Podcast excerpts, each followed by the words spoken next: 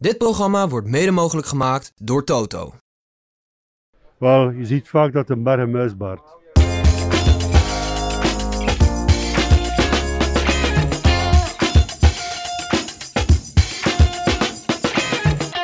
We staan hier op een prachtig idyllisch strandje in Nieborg, de finishplaats van de derde etappe. En ik heet jullie van harte welkom bij deze Wielenflits update.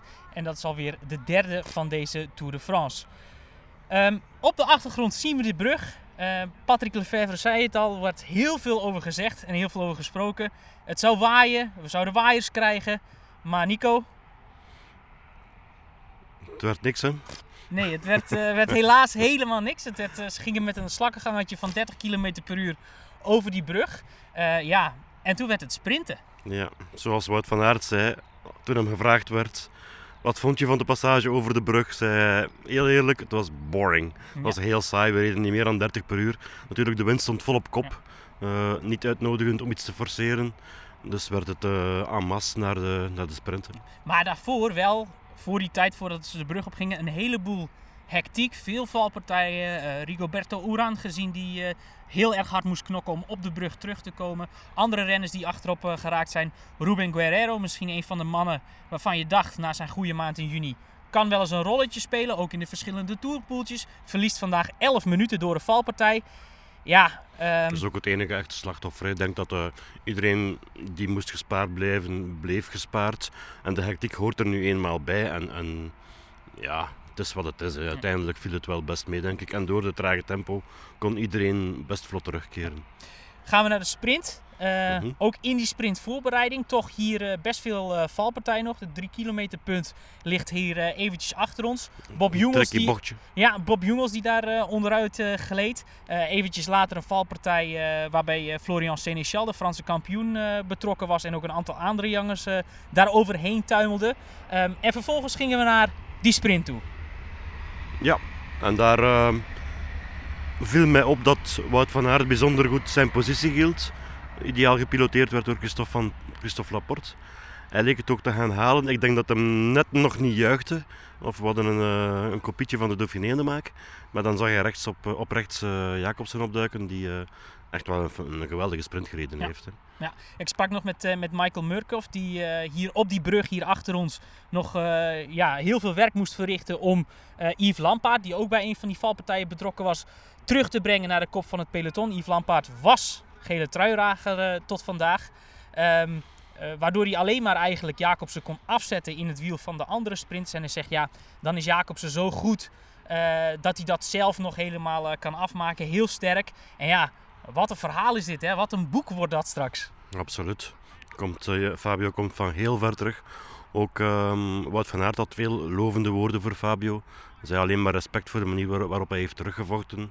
Um, ondertussen, bijna twee jaar geleden, uh, was de wielerwereld in, in, in paniek. En, en hoe hij heeft teruggeknokt, geknokt, echt wel, echt wel knap. Ja, ja hij Zo. zei ook, hè, deze zegen is voor alle mensen die mij geholpen hebben mm -hmm. om terug te keren naar dat niveau. Uh, uh, ik weet nog, ik stond bij hem toen hij uh, ja, net over de finish kwam, net uh, bij de NOS zijn praatje. Dit is, dit is wel de Tour de France, hè? een rit in de Tour de France. Je zag gewoon ja, het summum wat eigenlijk boven kwam. Het, ja, het, het, het, sprookje, de jongensdroom, zag je gewoon voor je ogen ja. zich voltrekken. En toch is het voor ons ook geen verrassing, hè? want het zat eraan te komen. Hè? Hij was al, oh, ik denk, ja, meer dan een jaar op niveau. Hij heeft al mooie etappes gewonnen in diverse ritwedstrijden.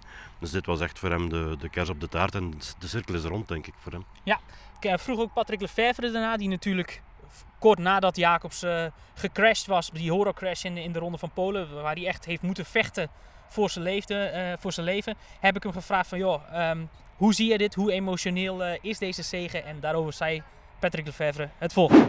we dachten dat het al was, maar Natuurlijk heeft uh, ja, met die kruis heeft hij misschien wel een jaar uh, verloren. Maar anderzijds heeft hem ook wel eens, een hoofd sterker gemaakt. Ik zelf zekerder. En uh, gelukkig heeft hij er mentaal niks aan overhouden door het feit dat hij zich niks meer herinnert. En dat is misschien wel een bewijs. Ja, en uh, Fabio wint dus uiteindelijk die sprint. Maar dat ging niet over Roos, want hij was in een uh, fors gevecht verwikkeld met Peter Sagan, de drievoudige wereldkampioen. Die hier mij overigens niet tegenvalt. Die toch weer eh, ja, iets laat zien van, eh, van, van de show die hij voorheen had Mhm. bij Bora Hansgrohe. Ehm, maar goed, die was wel eh, aan het duwen en aan het trekken en aan het beuken. Echt gewoon eh, bezig. Ik weet dat Fabio tijdens eh, de persconferentie na afloop zei van... Ja goed, je weet als Sagan dat gaat doen, dat hij sowieso recht blijft. Omdat het zo'n goede ehm, technicus zoals op een fiets zo goed die fiets onder controle heeft. Dat je, je weet dat je iets moet terugdoen. Want ja, eh, anders, eh, anders ga je je plek verliezen.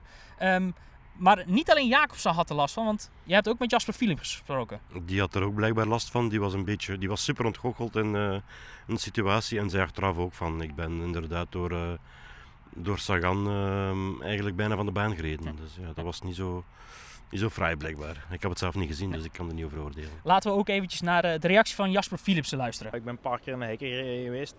Eh Sagan eh, heeft me ook nog eens bijna van mijn fiets eh, geduwd. Dus ja, ik ben niet echt aan sprinten toegekomen.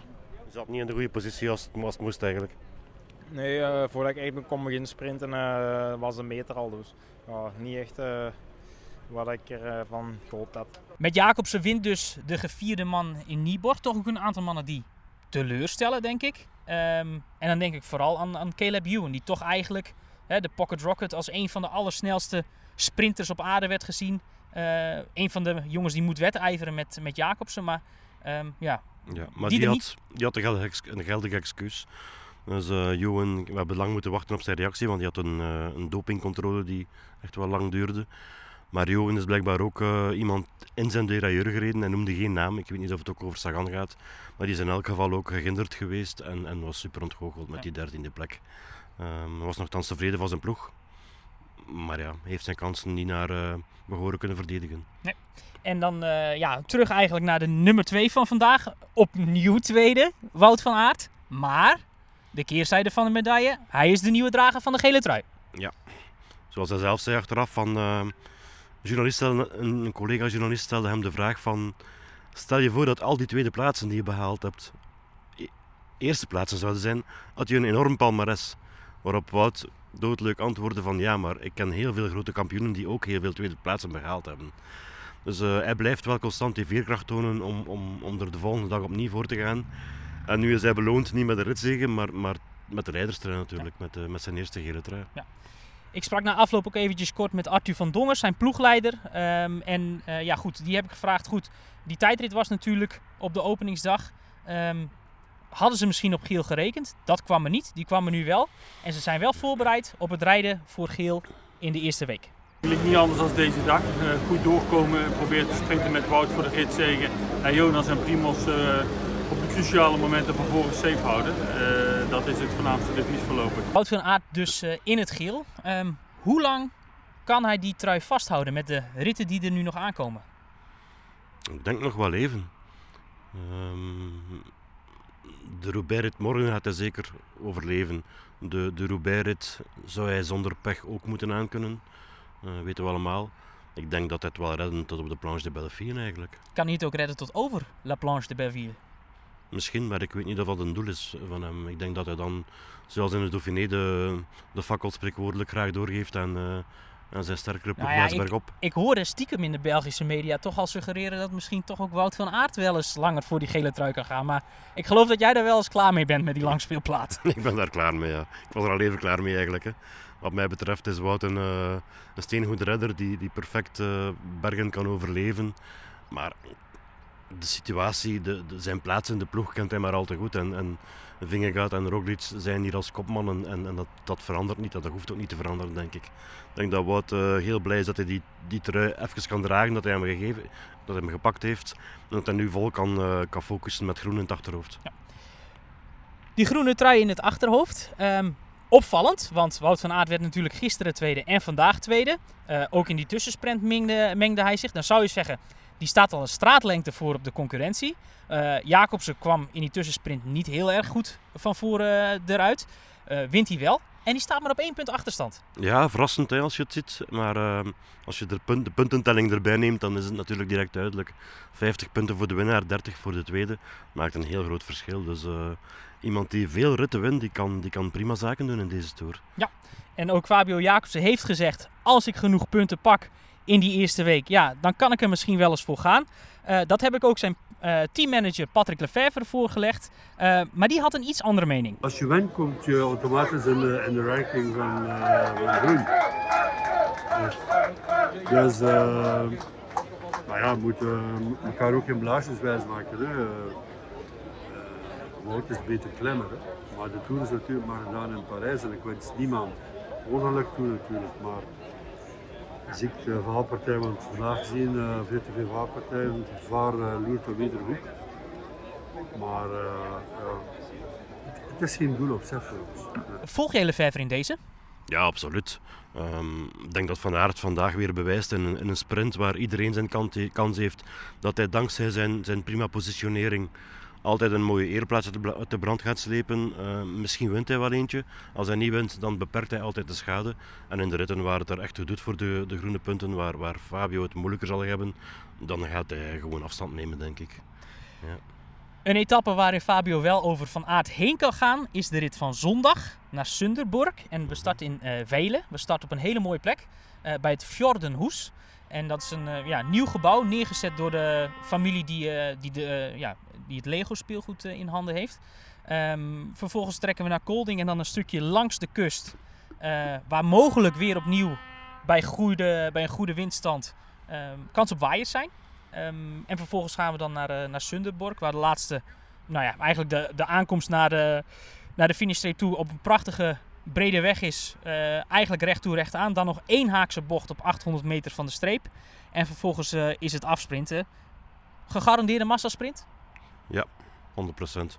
Er zijn gewoon veel te veel ploegen die sprinters aan boord hebben in deze tour. Um, er zijn er een paar vandaag de mist in gegaan, al dan niet met tegenslag of verhinderd door anderen. Dus ik denk dat, uh, ik noem maar Lotto Soudal met Johan, Jasper Philipsen, uh, Dille Groenewegen. Er zijn ploegen genoeg die het op het sprint willen laten aankomen. En, en, ik denk niet dat er iets, een sprint kan in de weg staan morgen. Nico, een van de mannen die jij inderdaad aanhaalt, die uh, misschien teleurgesteld is, of die zeker teleurgesteld is in zijn resultaat van, van zaterdag. Dat was Dylan Groenewegen, die op een achtste plek eindigde. En ja, die was na afloop boos. En dat ja, maakt hem nog meer gebrand voor de rit van zondag naar Sunderborg. Ja, ik was vandaag ook gebrand. Ja, vaak na een teleurstellende dag uh, ja, ben ik op de een of andere manier ook vaak beter. Uh, ja, hopelijk is dat morgen zo en kan ik voor die fans uh, zorgen. Ik weet dat de benen er zijn. Ik weet dat de ploeg goed genoeg is. ja, laat de dingen nog heel even in elkaar vallen.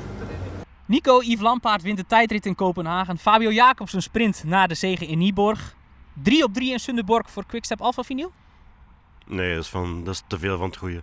Ik, uh, Patrick Lefevre heeft wel een, een, een grote konijnenpot in, in, zijn achterzak zitten, maar zo'n grote denk ik nu ook weer niet. Ik denk dat we morgen uh, Jasper Philipsen aan, aan de winst zien. Goed, nou, ik ga gewoon wel voor uh, Fabio Jacobsen, want ik heb ook met Lefevre nog gesproken na aflopen. Die zegt, ja, ik ben 67 jaar, hier doe ik het voor. Uh, dat, die kick om te winnen, dat vind ik zo mooi. Dat 3 op 3, ja goed, ja, dat, dat ziet hij wel zitten. Snap ik ook wel, logisch natuurlijk. Maar ik ga voor Fabio. Um, maar goed, ik moet wel zeggen, je had het zaterdag bij het goede eind. Ja, hoop op een punt 2 op een rij. 1-0 voor, uh, voor Nico Dik. 1-0 voor België in dit geval tegen de Nederlanders. En ik heb van Rick Verlooy begrepen dat je Nederlanders nooit helemaal uh, kunt vertrouwen. Dus wat dat betreft kun je maar beter een voorsprong uh, opbouwen. Want je weet het maar nooit. Um, dit was de Wielenflits update van zaterdag. De tweede etappe naar de Tour is verlopen. En we kijken uit naar de derde etappe. Vergeet je niet te abonneren op ons YouTube kanaal. En zet dan eventjes de meldingen aan. Want dan krijg je iedere keer als er een nieuwe Wielenflits update of een video vers uit de Tour de France wordt gepubliceerd een melding van hey, er is weer een filmpje. Geef ook even een duimpje op deze Wielenflits update en graag tot morgen.